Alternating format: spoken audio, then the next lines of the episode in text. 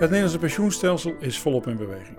En deze podcast van kennisnetwerk Netspar gaat verslaggever Martine Bolzak van het Financiële Dagblad in gesprek met experts uit de wetenschap over het nieuwe pensioencontract en de verdeling van risico's en rendementen over generaties. Welkom bij alweer de tweede aflevering van een korte serie podcasts over pensioen. Vandaag het nieuwe contract voor pensioenfondsen, dat in het voorjaar van 2020 is ontwikkeld. Gaat dat nou eindelijk een einde maken aan de generatiestrijd over pensioenen? Dat gaan we bespreken met twee mensen die aan de wieg van dit contract stonden. Bas Werker, hoogleraar financiële markten in Tilburg en verbonden aan Netspar. En Dick Boeien, actuaris bij pensioenuitvoerder PGGM. Ehm, Dick Boeien, misschien uh, even met, uh, met jou beginnen. Uh, hoe, hoe, ben jij betrokken geraakt bij de totstandkoming van dit contract? Um, nou, ik heb al een aantal jaartjes ben ik betrokken uh, in de hele discussie uh, langs verschillende wegen. En uh, zoals bekend is er in juni vorig jaar een pensioenakkoord gesloten. En is men drukdoende geweest om dat uit te werken. En op een gegeven moment ging bij mij, net als bij Bas en Jan Bonenkamp van APG, de telefoon. En werd gevraagd of wij eens mee wilden denken over een andere uitwerking van wat er in het pensioenakkoord stond. En sindsdien ja, zijn we daar heel nauw bij betrokken geweest. Uh, en dat, uh, dat, ik, ik, heb begrepen dat wij in Haagse kringen ook wel de drie B's worden genoemd. Ja. Jan Bonenkamp en Dick Boeien. Nou, ja.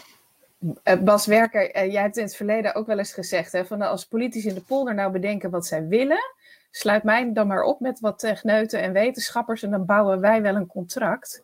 Is, is dat dit keer nou zo gegaan? Ik denk eigenlijk, uh, eigenlijk wel. Um, dus het was mij al eerder opgevallen dat de discussie tot nog toe de afgelopen jaren heel erg technisch uh, gevoerd werd met uh, allerlei dekkingsgraden, backstops, spreiden. En dat kon je dan weer open en gesloten doen. Um, en ik denk dat daar ook wel een, een, deel van het probleem zat waarom die zo lang geduurd heeft. terwijl eigenlijk de, de, de kernvraag vrij helder is. We hebben het hier over een kapitaalgedekt stelsel. Um, en dat betekent dus dat er allerlei risico's en rendementen op zo'n pensioenfonds afkomen. En de vraag is van hoe verdeel je die eerlijk? Um, en dat is eigenlijk ook de vraag die wij de stuurgroep hebben voorgelegd. Van wat bedoelt u daarmee? En bedoelt u daar in de kern eigenlijk niet mee dat als het goed gaat, er iedereen net zoveel van profiteert. En als het slecht gaat, dat iedereen er net zoveel nadeel van heeft? En nou ja, daar was het antwoord op uh, van ja, in de kern bedoelen we dat wel, maar we hebben ook nog wat aandachtspunten. En op die manier zijn we verder gegaan en uh, hebben wij dat technisch ingevuld. En iedere keer de politieke vragen weer netjes teruggelegd bij de stuurgroep. Ja, Dick, kan je een beetje omschrijven met welke opdracht jullie je dan als uh, drie B's uh, uh, in een virtueel overleg, want dat was natuurlijk allemaal in coronatijd, hebben opgesloten om dat contract uit te werken? Ja, ja, je zegt dat het was coronatijd en het was een virtueel overleg. Misschien heeft dat ook wel geholpen, want dat zorgt daar wel voor dat, dat er iedere keer zeer gestructureerd vergaderd werd. En de opdracht die wij kregen, tja, uh, dat was eigenlijk, als ik het in twee zinnen moet samenvatten, uh, zorg dat de doelen uit het pensioenakkoord dat die behaald worden. Uh, en doe dat op een manier zonder dat we nog last hebben van de rekenrente. Eh, ja, korter kan ik, hem, kan ik hem bijna niet omschrijven. Oké. Um, de afgelopen tijd is er ook best wel toch kritiek geweest hè, op de uitwerking van het pensioenakkoord. En dan werd er vooral gezegd, ja, het is intellectueel misschien heel mooi, het is heel, maar het is zo ingewikkeld. Het is een veel te technisch ingewikkeld contract geworden. Kunnen jullie nou heel kort, simpel uitleggen, wat is de essentie van het nieuwe contract, zoals het is gaan heten? Wie wil dat doen, Dick of Bas? Nou, ik wil het proberen korter dan één zin, gaat niet lukken. Um, ik denk dat de kernverandering is dat we van, uh, zeggen, vermeende beloften gaan naar realistische verwachtingen. Um, en daar komt natuurlijk inderdaad een hoop techniek bij kijken. Um, en die techniek is op zich ook wat transparant. Niet iedereen zal erin geïnteresseerd zijn om te snappen hoe dat precies werkt. Dat hoeft ook niet. Maar de mensen die de technische kennis hebben, die kunnen dat gewoon nagaan dat dat ook inderdaad bereikt wordt. Dus precies zoals Dick zegt, de doelen uit het pensioenakkoord worden wel bereikt, alleen de wijze waarop dat bereikt wordt is nu anders dan vorig jaar is afgesproken. Um, en in de kern is het, uh, denk ik, dat er sprake is van je geeft verwachtingen aan mensen wat ze mogen, uh, hoe hun pensioen eruit zal zien. En het is evident dat als je jong bent, dat er heel veel onzekerheid in die verwachting is. En dat wordt ook duidelijk gemaakt. En naarmate je ouder wordt, wordt dat preciezer. Maar het zijn geen garanties. Ehm, dus het kan soms ook naar beneden gaan. Um, en daarbij is de kerngedachte inderdaad van ja, als er nou in een, een onverkwikkelijk rendement zich optreedt, zoals bijvoorbeeld de hele coronacrisis, ja, dan ligt het voor de hand dat iedereen daar gewoon net zoveel last van heeft, alle deelnemers, zowel in de uitkeringsfase als in de opbouwfase. En dat is de kern. En dat kan ik ook met heel veel ingewikkelde techniek uitleggen. Maar het, doel is, uh, is dit eigenlijk. Ja, Dick, wat is voor jou de essentie? Ja, ik vind dat Bas eigenlijk al heel veel woorden nodig heeft uh, op dit moment. Ik heb het, uh, ik heb het de laatste tijd heel veel mogen uitleggen. En ook aan de pensioenmensen, zal ik maar zeggen. En dan zeg ik heel simpel, ja, je hebt je eigen pensioenpotje. Daar stop je premie in. Er wordt rendement op gemaakt. Op een manier die bij jou past. Uh, en op het moment dat je met pensioen uh, gaat, dan uh, mag je een uitkering genieten uit dat potje. Nou, dat is zeg maar boven de motorkap het verhaal. En ja, dat het onder de motorkap ingewikkeld is, ja, dat, dat lijkt me logisch. pensioen is ingewikkeld. Alleen ik denk dat wij daar onze deelnemers niet per se mee hoeven lastig te vallen. En ik, moet zeggen, ik, moet zeggen, de, de, de, de, vele keren op, op de, de anderhalve meter uh, bezoekjes die ik de laatste tijd heb gehad, dat ik het probeerde uit te leggen op deze manier, was de reactie eigenlijk, oh, maar dat is toch logisch dat pensioen zo werkt. Wat dat betreft denk ik dat, dat we wel de goede, goede snaar hebben aange, aangeslagen met, met deze route. Een van de manieren waarop het, contract, het nieuwe pensioencontract vaak is uitgelegd, is het pensioen wordt onzekerder. Het gaat meer meebewegen met financiële markten. Uh, vinden jullie dat een goede omschrijving? Nee. Want? Kijk, want de, uh, de pensioenfondsen staan nog steeds bloot aan dezelfde risico's en rendementen op die financiële markten. Daar verandert helemaal niks aan.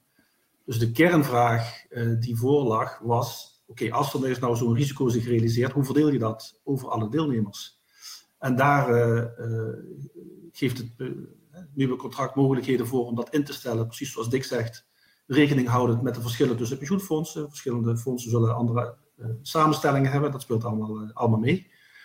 Maar wat er nu gebeurt, is dus iedere keer een discussie van als het tegen zit, van ja, gaan we dat erbij nu nemen of schuiven we hem door naar de toekomst?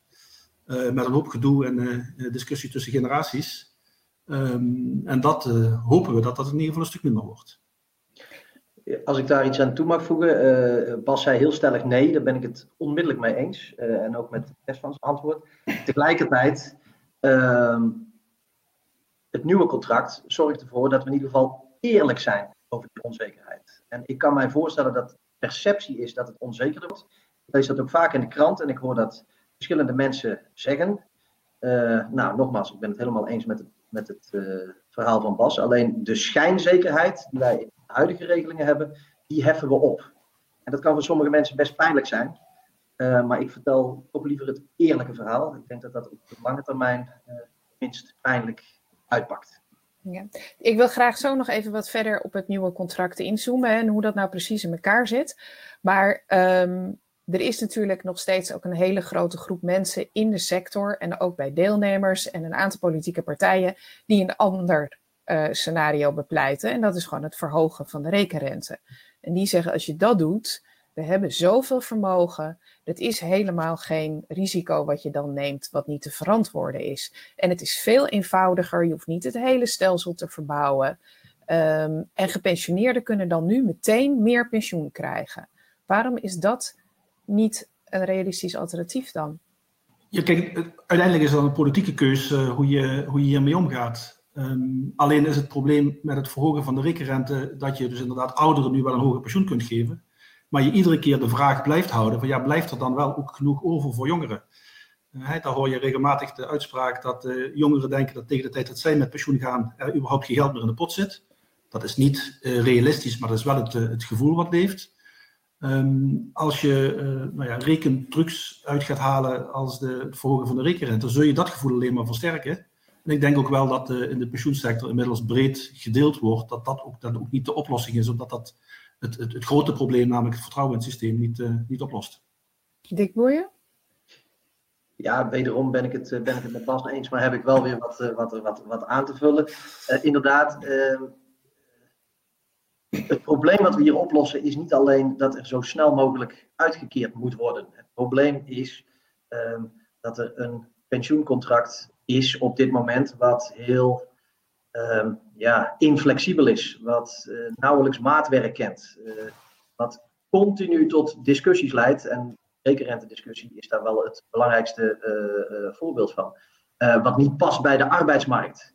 En al die, al die zaken, die wil je ook oplossen. En simpel aan de rekenrenteknop draaien, nou, daar zitten ook de nodige nadelen en bezwaren en risico's aan. Bas noemde ze al. Ehm, maar zelfs al zouden we die weg kunnen nemen, dan hebben we al die andere problemen nog niet opgelost.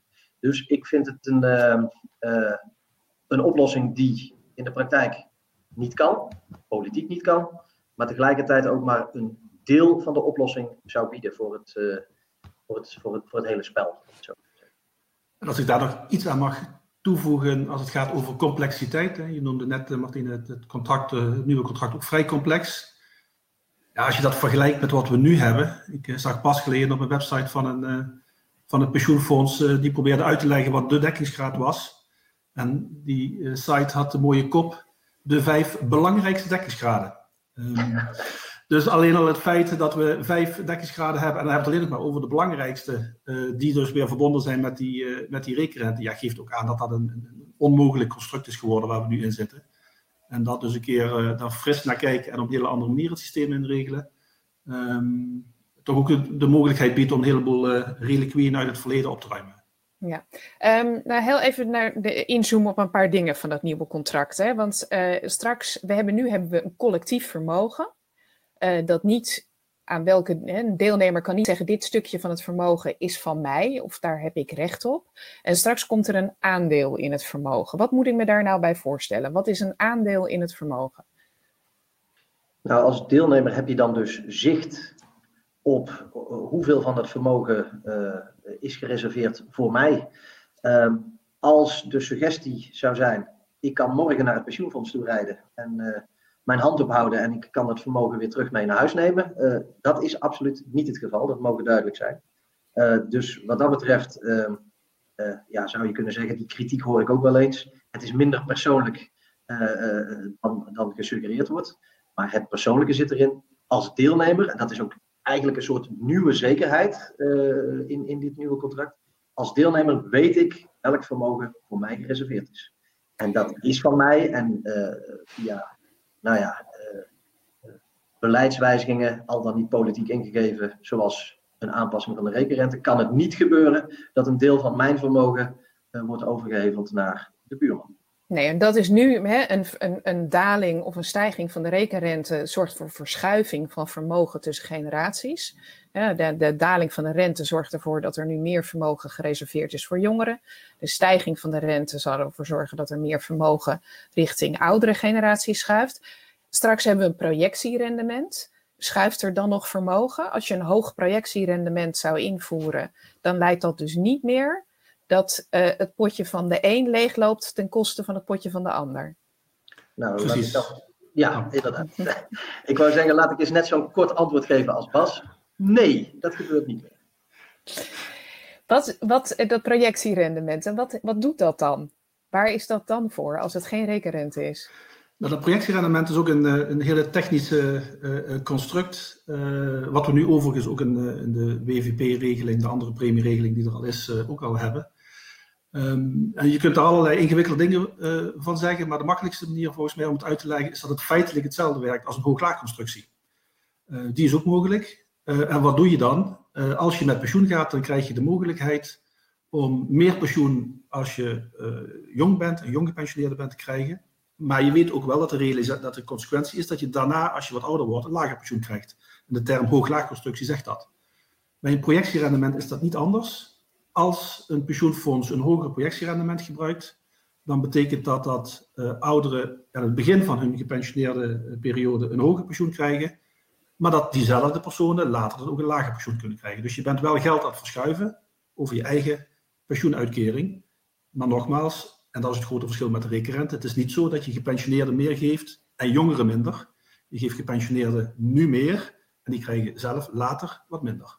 Ja. Het toedelen van rendementen, daar hebben jullie het ook al eventjes uh, over gehad. In het nieuwe contract worden rendementen toegedeeld door het fonds over generaties. Het is niet dat je eigen potje gewoon vanzelf aangroeit met het rendement dat het geheel uh, haalt. Um, ja, is dat dan nog wel een knop waarmee je schuift over generaties? Nee, uh, want dat gebeurt op een manier zodat als jij als deelnemer een, bloot wordt gesteld aan een bepaald risico, krijg je ook het rendement dat daarbij hoort. Wat wel een belangrijk verschil is ten opzichte van de huidige regelingen, is dat je dus een jongere, uh, voor een jongere andere keuzes kunt maken dan voor een oudere. Dus dat, dat is het beroemde maatwerk waar steeds naar verwezen wordt. En ik denk dat dat de sleutel is in het nieuwe contract, om ervoor te zorgen dat alle nou, generatiediscussies, het gedoe uh, over wie krijgt hoeveel rendement, dat dat voor goed van de baan is. Je kunt nu jongeren een risicohouding en rendement geven dat bij hen past. En ouderen een risicohouding en rendement dat voor, voor hen passend is. Zonder dat ze onder elkaar last daarvan hebben. Oké, maar straks dan gaan, ga ik in het Financieel Dagblad schrijven: Pensioenfonds A heeft een rendement van 12% gehaald.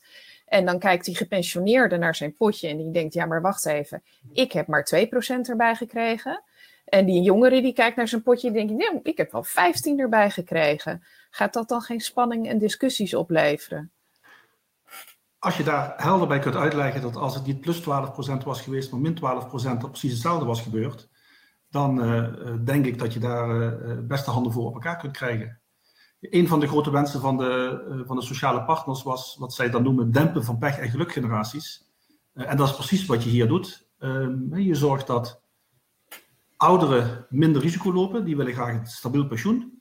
Dat risico komt dus automatisch uh, bij jongeren terecht. Um, maar wat in het nieuwe stelsel wel echt anders is dan bijvoorbeeld het verhogen van de recurrent, is dat jongeren daar ook wel de bijbehorende risicopremie krijgen. En dat betekent dus dat zij met de huidige premies uiteindelijk ook nog best rekening kunnen op een redelijke pensioen qua hoogte.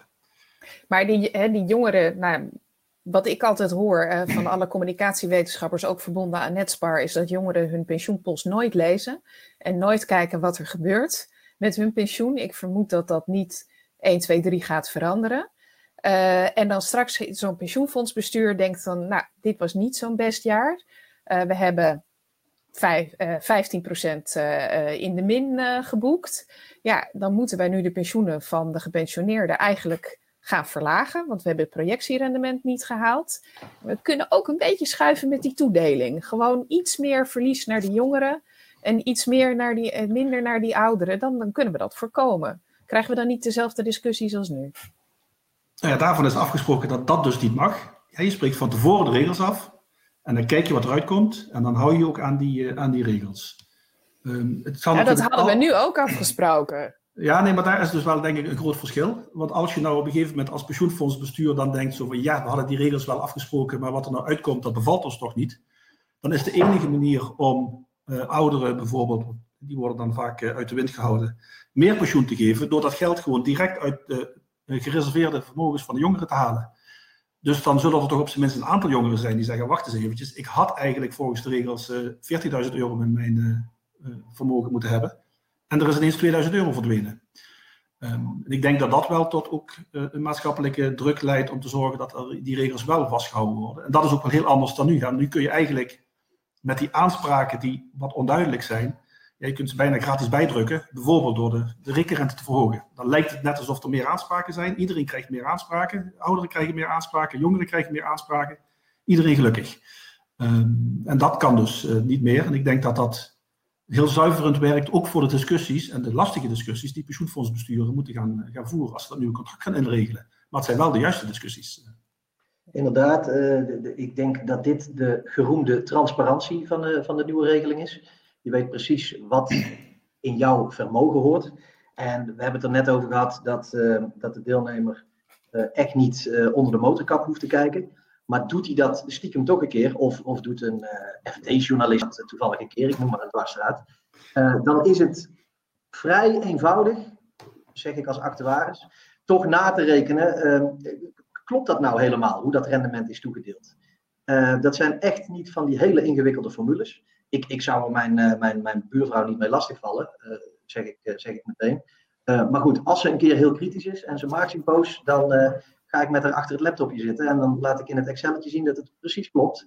wat dat betreft is dit contract ehm, ja, gemakkelijker dan, dan dat nieuwe contract, zoals, zoals Bas het al zegt in het nieuwe contract met die dekkingsgraad en de rekenrente en aanspraken is het vrij gemakkelijk om, zeg niet dat, dat we dat doelbewust uh, proberen, maar om, nou, om de boel te, te besodemieteren door heel veel geld te verschuiven zonder dat mensen het in de gaten hebben. Ja, in het huidige stelsel uh, bedoel je, daar, uh, ja, ja. Theo Nijman die hoopte dat met dit contract dan echt een einde komt aan de strijd tussen, tussen jong en oud over pensioenen. Um, kunnen, we dat, kunnen jullie dat waarmaken? Of uh, blijven we gewoon als Nederlanders uh, bakkeleien over jong en oud in pensioen? Nou, ik denk dat het nieuwe contract in ieder geval alle gelegenheid biedt om die strijdbijl te begraven. Ehm, dat komt vanwege dat maatwerk waar we het net ook al over hadden. ik wil daar wel bij zeggen dat we nog wel een stap hebben te maken na die nieuwe contracten en die stap is tweeledig. Ten eerste de transitie, uh, laten we zeggen op 1 januari 2026. Dan mogen we de grote collectieve vermogens gaan invaren. En eigenlijk verdelen over de persoonlijke pensioenvermogens. Nou, dat zal een operatie zijn uh, uh, waar, waar, jong en oud ja, op het puntje van zijn stoel zit. Want daar kunnen de belangen nog wel uiteenlopen.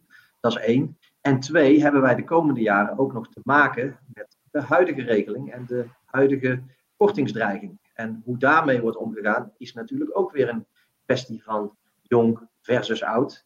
En uh, nou, de grote uitdaging voor pensioenfondsen is om dat zo evenwichtig mogelijk vorm te geven. Naar ieders tevredenheid. Ja, Bas Werker?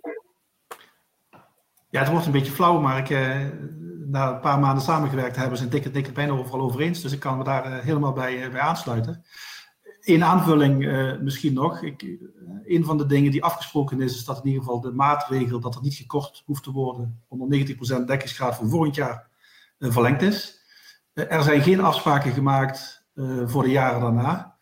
Um, en ik denk eigenlijk wel dat het verstandig is om dat op korte termijn toch wel te doen. juist omdat er heel veel onzekerheid is, leert ervaring toch dat je beter maar nu kunt gaan nadenken wat je doet indien de dekkingsgraad bijvoorbeeld 90% blijft of nog verder wegzakt of misschien wel ook stijgt naar 110% Want dan kun je die discussie redelijk neutraal voeren, terwijl het nog niet uh, heeft plaatsgevonden.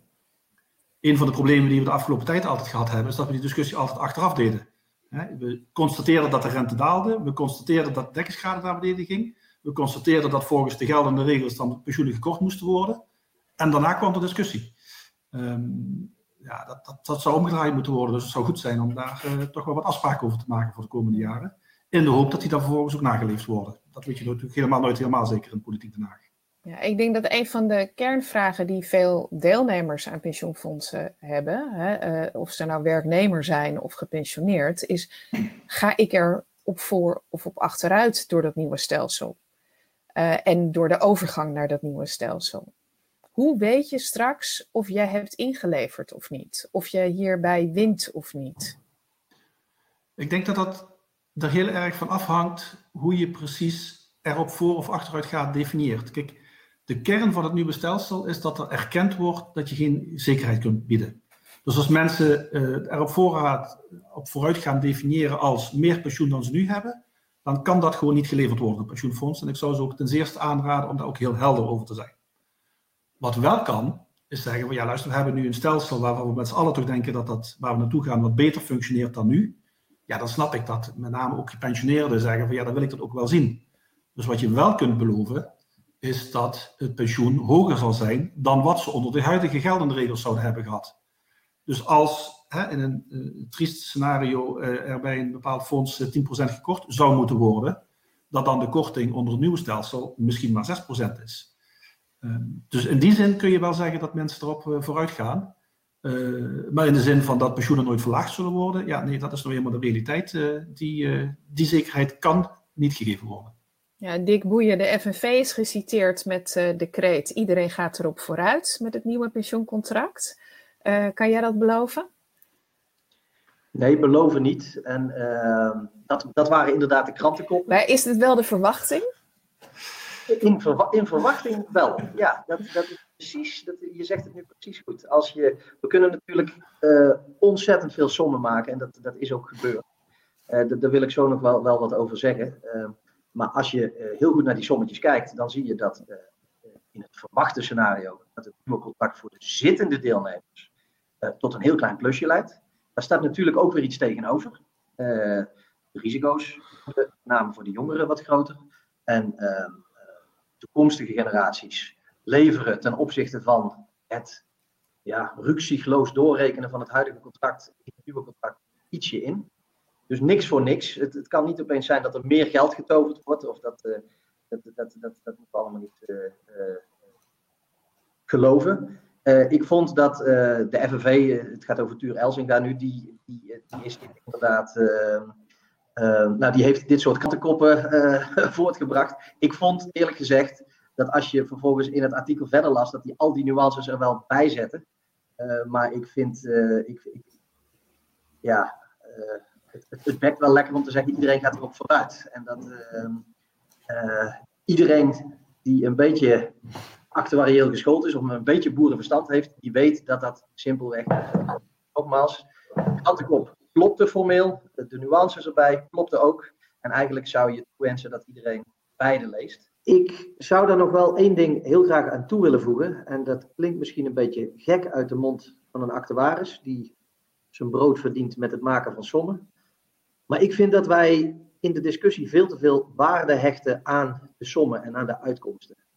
En ik zou vooral tegen jongeren willen zeggen, eigenlijk tegen alle actieve deelnemers, prijs je rijk met dit nieuwe contract, want het, uh, het is veel flexibeler, het past veel beter bij de arbeidsmarkt, et cetera, et cetera. De kwalitatieve voordelen, uh, vind ik, mogen veel meer benadrukt worden. En we moeten niet iedere keer in die ja, reflex schieten om de rekenmachines maar aan te zetten en de, en de computers te laten draaien. En dan tot op de centimeter nauwkeurig te kijken of er een, procentje meer of minder uh, pensioenresultaat naar verwachting wordt. Um, het verhaal van dit nieuwe contract moet niet zijn. We worden er allemaal beter van in euro's verhaal moet zijn.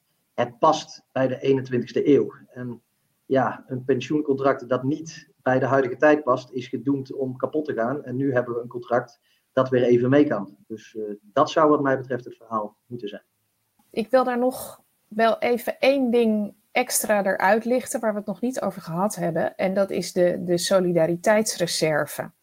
Want dat onderscheidt ook het nieuwe contract van uh, het huidige stelsel.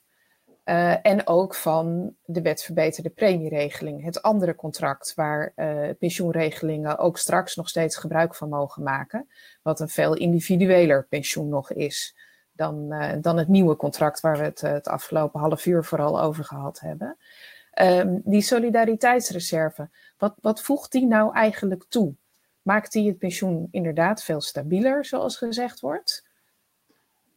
Dat is het, dat is het doel. Ook, dit is een hele instrumentele uh, vraag. Um, dus de, het, het, idee is dat je ook deelnemers die uh, in de toekomst uh, gaan deelnemen in het systeem, alvast wil laten meedelen in de risico's van het systeem. En waarom doe je dat? Dat betekent gewoon dat er een, een groter collectief ontstaat, waardoor je die risico's breder kunt, kunt verdelen. En dat leidt dus tot stabielere pensioenen voor de gepensioneerden. Um, in het oude uh, systeem uh, deden we dat door middel van spreidingsmechanismes en ook allemaal heel instrumenteel. En het nieuwe systeem is het instrument daarvoor de solidariteitsreserve. Ik wil daar wel twee dingen concreter over zeggen. Dus allereerst ben ik er wel blij mee dat het gewoon een specifiek instrument daarvoor is. Omdat je daarmee kunt zorgen dat alle verschillende pensioenfondsen, die hele verschillende fondssamenstellingen hebben, soms hebben veel nieuwe deelnemers die instromen, anderen hebben er weinig, die zijn misschien zelfs wel gesloten. Uh, dat die ook gewoon allemaal bediend kunnen worden. En dat is in zekere zin dus een vorm van maatwerk, wat ik het al over had, niet naar de deelnemer toe, maar naar pensioenfondsen. Uh, want ze kunnen al, die, die de solidariteitsreserve ook naar hun eigen believen instellen. Um, wat je ook wel ziet, is dat er een, een soort idee is dat het leidt tot extra stabiliteit, omdat je bij lage vervangingsratio's mensen uit de wind kunt houden. Ja, de vervangingsratio is dus het percentage van het gemiddelde inkomen dat iemand genoten heeft, wat hij na zijn pensioen dan aan inkomen krijgt.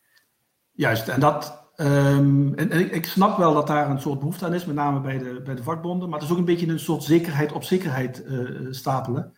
want als je namelijk al een systeem hebt waarin je de rendementen zodanig verdeelt dat iedereen er voor of, evenveel voor- of nadeel van heeft, ja, dan is er niemand meer uit de wind te houden. Want waarom zou je een specifieke groep uit de wind houden als iedereen er net zoveel nadeel heeft gehad?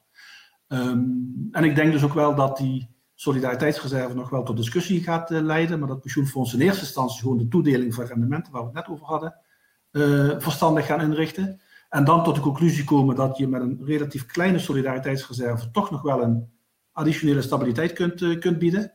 Um, en dat het eigenlijk win-win is, want hè, een andere wens van de vakbonden was om rendementen sneller naar de deelnemers te laten komen. Ja, dan wil je dus juist geen hele grote solidariteitsreserve. Um, maar met name ook hier weer het feit dat je dus een apart instrument hebt om dit te regelen, uh, zorgt ook voor, denk ik, dat alle pensioenfondsen met al hun verschillen hiermee met dit contract uit de voeten kunnen. Ja, nou, ik begon er ook over omdat ze eigenlijk uh, nu het, het, nieuwe contract vooral vergeleken hebben met het huidige FTK. Um, maar pensioenfondsen mogen straks ook kiezen voor nog meer individuele pensioenen. Hè? De wet verbeterde premieregeling, tenminste dat is wel het idee. Um, wat, wat voegt nou het nieuwe contract toe ten opzichte van die wet verbeterde premieregeling? Want in heel veel opzichten lijkt het eigenlijk op elkaar. Terwijl je ook kunt zeggen, ja, daar heb je echt helemaal je eigen potje. Weet je zeker dat jij krijgt waar jij voor hebt betaald. Als je nou echt een einde wil maken aan die generatieconflicten en hè, gedoe tussen jong en oud, kies daar dan voor. Pensioenfondsen staan voor die, uh, voor die keuze. En op dus heel veel gebieden lijkt het uh, op elkaar. Maar ik denk ook dat je precies aangeeft wat het verschil is. is namelijk dat je daar dus echt je individuele potje hebt en een individuele lifecycle, zoals dat heet, waar je voor, moet, voor moet kiezen. Um, en dat is toch wel een ander verhaal in ieder geval, als dat je een collectieve pot hebt en dat die rendementen verdeeld worden. Er is één ook wel technisch verschil tussen de WVP en het nieuwe collectieve contract, het nieuwe contract zoals dat dan heet. Um, en dat wordt in de, de, techniek aangeduid met het opheffen van de, de zogenaamde leenrestrictie. Wat je in dat nieuwe collectieve contract kunt doen, is dat je jongeren in hun bestaande opbouw veel meer aandelenrisico geeft dan, dan ouderen. En dat klinkt een beetje eng, maar ja, als er een keer een flinke schok komt op die aandelenmarkt en uh, je hebt pas een heel klein beetje opgebouwd, dan maakt het op je uiteindelijke pensioen niet zo heel erg veel uit. Terwijl we over het algemeen natuurlijk toch wel ervan uitgaan dat er risicopremies zijn en aandelen dus over het algemeen naar boven zullen gaan. Dus als je dat grotere risico loopt, leidt dat ook wel tot een veel hoger pensioen. Uh, en dat volgt ook wel uit de sommen van het Centraal Planbureau. Dit is als, wel eens een keer een vergelijking gedaan waar tussen collectieve contracten en het individuele contract, dan zat er iets van 5, 6, 7 procent uh, welvaartsverschil uh, tussen. Uh, dus lees gewoon 7% hogere pensioen, om het even heel makkelijk te zeggen. Maar het overgrote deel daarvan kwam door dit technische punt, het opheffen van de leenrestrictie. En dat kan wel nog in het nieuwe contract. En het is niet duidelijk of dat in, het, in de WVP ook mogelijk gemaakt gaat worden. En als ik daar aan toe mag voegen, ik, ik, ik ben het uh, er mee eens met de suggestie in de vraag. Misschien zijn de overeenkomsten tussen de twee nieuwe contracten wel groter dan de verschillen. Uh, en uh, ik denk dat we ook geen wonderen moeten verwachten van de solidariteitsreserve of van het opheffen van de leenrestrictie in, termen van dat er opeens tientallen procenten meer pensioen zijn. Maar tegelijkertijd weten wij dat de discussie af en toe om procentjes gaat. En wat dat betreft is, uh, is iedere winst is mooi meegenomen. Uh, en het gaat ook over grote bedragen, dus uh, iedere winst is mooi meegenomen. Maar tegelijkertijd ja, zal ik een fonds of een, een pensioenuitvoerder die ervoor kiest om um, in wat jij dan noemt de zo zeer individuele uh, premieregeling te gaan zitten. Daar vallen ook nog wel wat nuances bij te plaatsen, maar goed. Uh, een fonds dat daarvoor kiest om goede redenen, ja, daar kun je niet van zeggen dat ze een domme keuze maken of iets dergelijks. Er zijn goede redenen om die solidariteitsreserve dat opheffen van de leenrestrictie op dat plek te geven. Er zitten ook nadelen aan in termen van uh, uitlegbaarheid, uitvoerbaarheid. Dus dit is echt een, een decentrale afweging. En uh, ja, waarvan ik bijna zeg, die kun je, je, kunt niet op voorhand zeggen dat dat, dat, dat, goed of fout is. Uh, dat is wat dat betreft valt er nog iets te kiezen. Ik vind de grote winst, vind ik juist dat al die, allebei die regelingen ontzettend op elkaar lijken. Dan wordt het voor de deelnemer ook een stuk overzichtelijker dan het huidige pensioenlandschap. Ja, met het uh, risico dat ik uh, de, de slager zijn eigen vlees laat uh, keuren, wilde ik jullie toch ook nog even tot slot de vraag stellen waarmee de vorige podcast ook is afgesloten. Dit is de derde reïncarnatie van het pensioenakkoord in iets meer dan tien jaar tijd. Ehm, is dit de laatste? Ja, laten we dan maar gewoon een kort en krachtig slager, uh, keur zijn eigen vlees antwoord op geven. Ik denk dat we qua contract, dat iedereen, het kan ook zijn dat mensen ook gewoon een beetje zat zijn om erover te spreken. Volgens mij uh, zijn er best mensen die kritiek hebben en soms hebben ze ook wel terecht, maar ik denk dat iedereen in de sector zich realiseert dat dit het toch wel ongeveer is en dat je niet moet verwachten dat als we nog tien jaar doorpraten, we er veel meer uh, uit kunnen persen. Um, dus ik denk dat dit het wel gaat, gaat worden, al was het maar omdat mensen het gewoon zat zijn om nog verder na te denken. Dik boeien? Nou, dat laatste vind ik wel een hele negatieve invulling. Uh, ik, ik denk, er, kijk, pensioen is onderdeel van de arbeidsmarkt en van de maatschappij. En op het moment dat arbeidsmarkt en maatschappij veranderen, moet pensioen mee veranderen. Je zou kunnen zeggen, uh, beste Dick, wist je 15 jaar geleden toch ook al? Ja, precies. Uh, maar we weten tegelijkertijd ook dat het erg veel moeite kost in pensioenland om veranderingen tot stand te brengen. Um, en ja, Bas, dat duurt lang. En ja, misschien zijn sommige mensen het zat. Of we begrijpen niet hoe iemand in hemelsnaam 15 jaar met pensioenhervorming bezig kan zijn. Uh, toch denk ik dat wij over 15 jaar best wel weer een discussie hebben over: is dit nog het, het contract dat bij de huidige maatschappij en de huidige arbeidsmarkt past? ik kan mij voorstellen dat het thema van de toekomst gaat worden toch meer inspraak, keuzevrijheid op, op individueel niveau. Um, um, en daar zitten haken en ogen aan. En nou ja, nu is die afslag niet genomen, zou je kunnen zeggen. Maar ik kan mij voorstellen dat dat een discussie wordt voor de, nou, niet voor morgen, niet voor overmorgen, maar wel ergens de komende jaren dat die discussie ook gevoerd gaat worden. Um, en dat, dat hoort ook zo. en dat zeg ik niet omdat ik omdat ik vind dat ik maar bezig moet blijven met deze discussie. Maar als de omgeving verandert, moet pensioen mee veranderen. Uh, anders uh, ja, gaat het kapot. Okay, dank jullie wel, Dick Boeien en Bas Werker. Hartelijk dank voor het luisteren naar deze Netspar Pensioen en Wetenschap podcast. Meer weten over ons pensioenonderzoek? Volg ons kanaal voor meer podcastafleveringen of kijk op www.netspar.nl.